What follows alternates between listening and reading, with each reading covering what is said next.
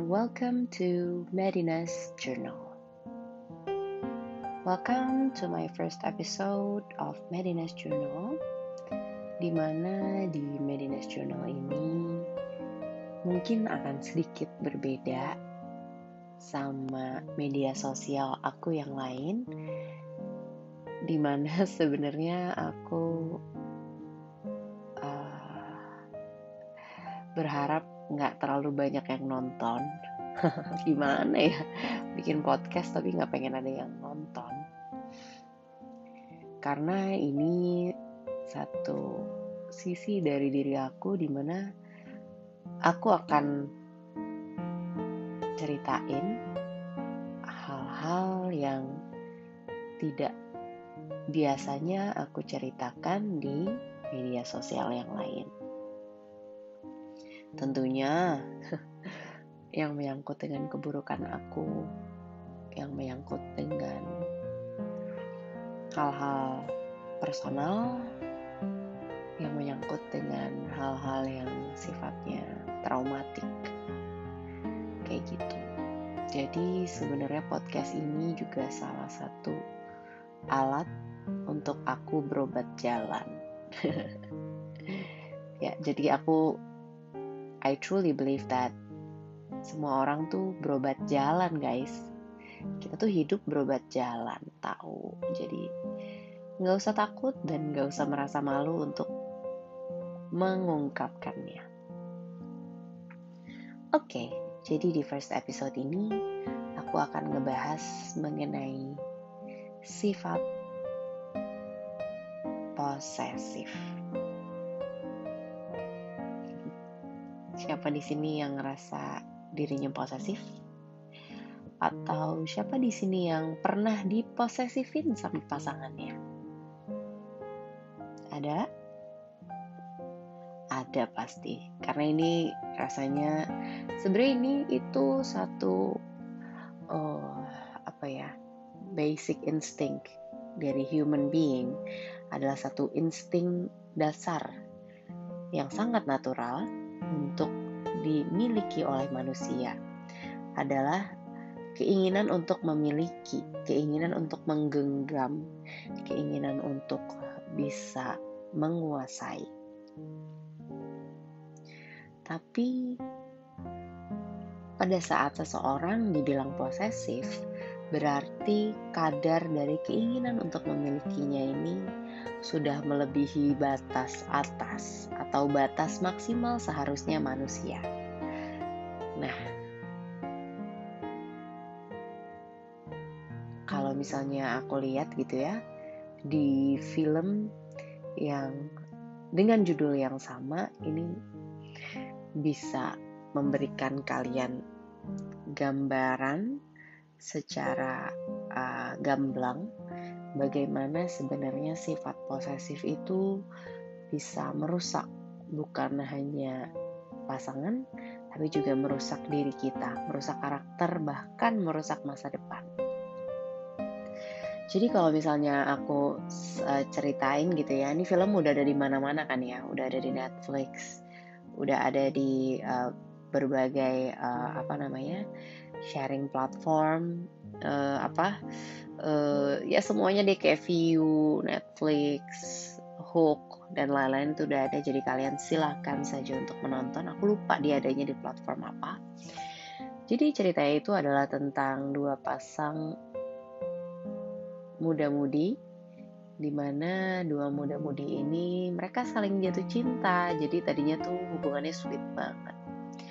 Mereka saling jatuh cinta, mereka suka satu sama lain, mereka cocok, mereka bisa menghibur satu sama lain, tapi ternyata si cowoknya ini punya sifat yang posesif dan abusive.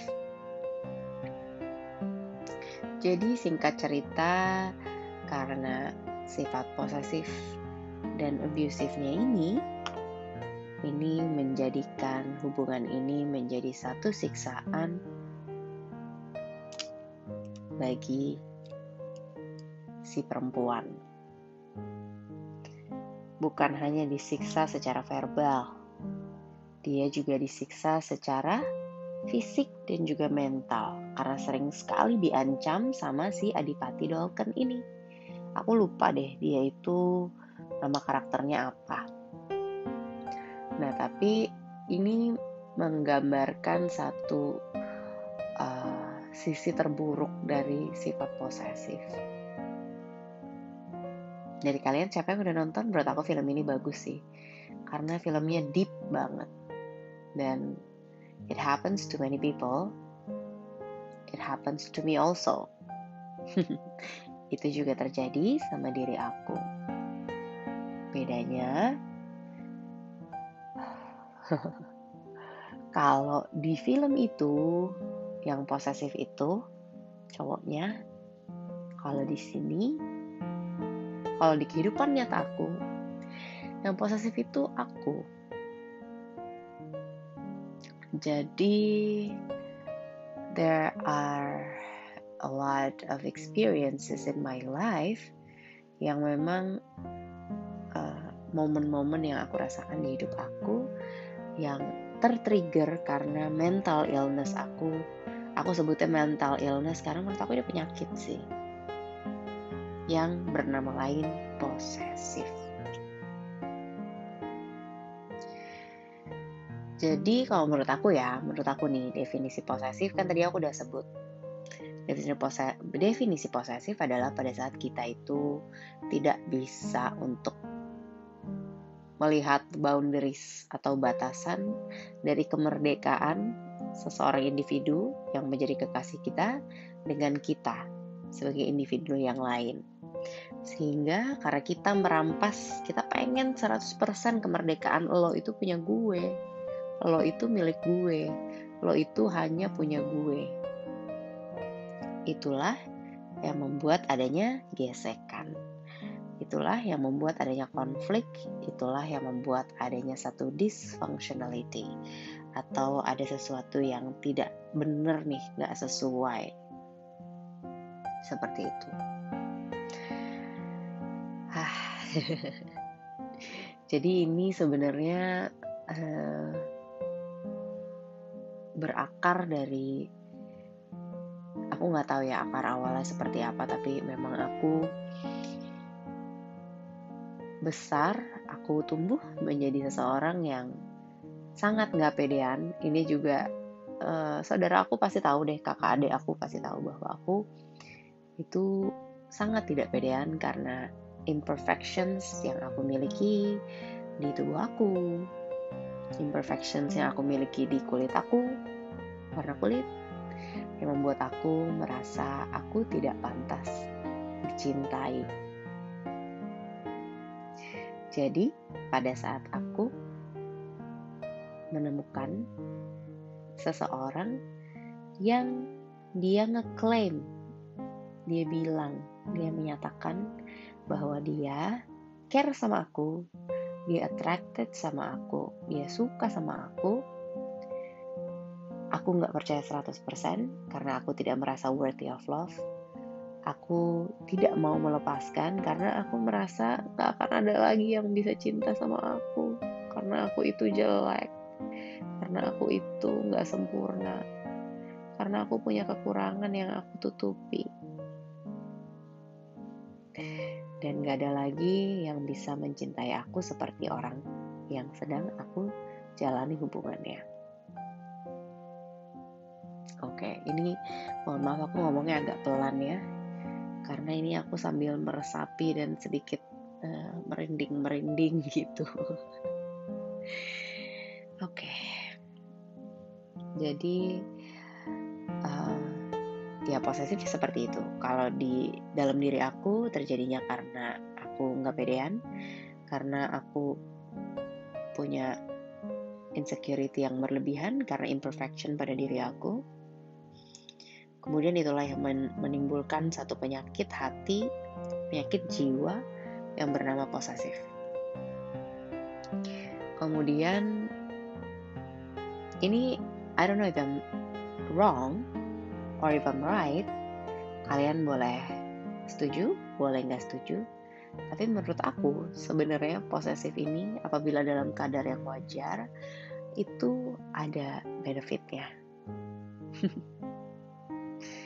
ah, banyak kali yang bilang gue gila.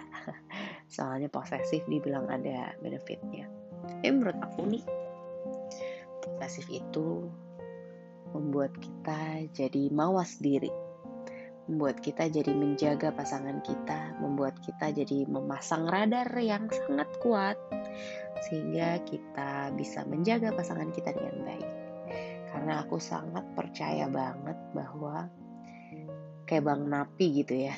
Ingat gak sih dulu ada acara di TV, terus ada satu karakter namanya Bang Napi.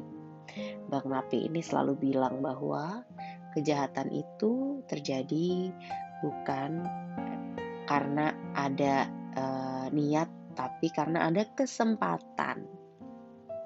Waspadalah, waspadalah. Jadi sebetulnya posesif dalam kadar yang baik, dalam kadar yang normal, itu adalah tingkat kewaspadaan dari seorang pasangan untuk bisa menjaga pasangannya tersebut. Ini menurut aku ya. Dan dengan sifat posesif ini sebenarnya kita bisa memupuk cinta yang sangat dalam nih buat pasangan kita. Kalau di kasus aku gitu ya, karena aku sangat merasa insecure sama diri aku dan aku merasa banyak kekurangan dari diri aku. Jadi apa yang aku punya, pasangan yang menjadi pasangan aku sekarang itu selalu aku consider sebagai pasangan terakhir dalam hidup aku. Jadi aku selalu berusaha untuk menjaga, aku selalu berusaha untuk menyiram, istilahnya kan tanaman gitu ya, tanaman tuh kan harus disiram. Aku berusaha untuk selalu menyiram dan memberikan yang terbaik untuk pasangan aku. Nah, sekali lagi, itu posesif dalam kadar yang normal guys. Kalau nggak normal, jadinya jadi kerugian, jadi kekurangan. Yaitu membatasi ruang gerak dari pasangan kita, membuat pasangan kita tidak puas, membuat pasangan kita menjadi tidak senang, tidak happy, dan bahkan bisa memudarkan rasa cinta pasangan kita terhadap kita. Serem ya, memang kayak gitu. I've been there. Kerugian lainnya tentunya bisa memupuk adanya toxic relationship jadi karena adanya satu ketidakpuasan dalam hubungan, terus jadi nggak sinkron nih antara uh, kedua pasangan ini, jadinya ada toxic relationship. Di mana toxic relationship ini apabila kita bawa sampai pernikahan itu bisa jadi malapetaka hidup yang besar banget. Aku berdoa aja semoga kalian yang dengar podcast ini tidak mengalami ini ya. Semoga kita udah keburu awaken duluan nih ya kan? Baru kita memilih pasangan hidup kita. Nah di cerita hidup aku sebenarnya aku merasa beruntung. Karena kadar posesif aku itu bisa aku bilang abnormal. Kayak nama warung Indomie, tapi bukan. Kadarnya itu udah tinggi banget. Sehingga aku nggak lagi bisa mengontrol diri aku. Dan aku dihadapkan di satu kejadian, di mana kejadian ini pada saat itu betul-betul merubah aku mungkin nggak 100% ya aku jadi seorang yang kayak oh, aku bukan nggak kayak Medina lagi. Aku nggak posesif sama sekali. Aku biarin aja pacar aku pergi sama siapa. Aku nggak maintain pacar aku sama sekali. Aku nggak nelfonin dia. Aku nggak WhatsApp dia. Aku nggak uh, kangen kalau nggak ketemu dan lain-lain. No I'm still me. Tapi uh, dengan kadar yang lebih bisa di uh, apa lebih wajar, lebih bisa dimaklumi. Jadi pada saat itu aku membuat satu kesalahan di mana bibitnya itu dari possessiveness. Aku menuduh aku menuduh mantan kekasih aku untuk uh, berbuat sesuatu yang dia tidak berbuat sama sekali. Aku accuse him cheated on me. Bener nggak tuh gue bahasa Inggris ya? Intinya sih aku nuduh dia bahwa dia tuh selingkuh dari aku. Dia itu melakukan sesuatu yang buruk sama aku. Dia itu ya intinya tidak faithful sama aku dan ternyata itu semua hanya hayalan aku dan ternyata karena toxic relationship yang sudah terbangun cukup lama beberapa tahun itu juga yang membuat penyelesaian konflik antara aku dan mantan pasangan aku itu menjadi tidak baik jadi pada saat di gong terakhirnya itu pada saat aku posesif dan ternyata aku salah sangka, aku nggak bisa menyelesaikan konflik dengan baik. Aku menyelesaikan konflik malah dengan memupuk konflik baru. Aku malah menyulut emosi, aku berbicara sesuatu yang tidak seharusnya aku bicarakan. Aku menyakiti hati dia dengan sangat dalam sekali, sehingga tidak ada lagi pintu maaf bagi aku. Dan bahkan dia udah sampai nggak ada rasa guys sama aku. Jadi bayangkan bagaimana si mental illness aku yang bernama posesif ini benar-benar ngehujam aku, merusak aku, menyakiti aku, membuat satu trauma besar banget dalam diri aku. Karena apa? Karena prasangka yang ternyata salah. Jadi aku berakhir hubungannya bukan karena ada yang selingkuh, tapi karena aku salah sangka. Karena aku nuduh yang gak bener. Dan cara aku berminta maaf, cara aku untuk meminta maaf maksudnya, itu juga salah. Aku gak minta maaf itu sebenarnya aku cuma mengeluarkan amarah aku karena aku merasa lo harusnya jadi milik gue. Lo harusnya cuma buat gue lo harusnya nggak boleh marah sama gue. Itu yang sebenarnya aku ucapkan. Alih-alih dari aku betul-betul minta maaf dari hati. Dan itu mengeluarkan kata-kata yang nyakitin hati. Jadi aku bukannya minta maaf, aku malah membuat luka baru. Yang bahkan, ya mungkin emang udah gak jodoh juga ya. Yang bahkan itu jadi rumor itu jadi satu bad image buat aku bahwa aku tuh mulutnya jahat.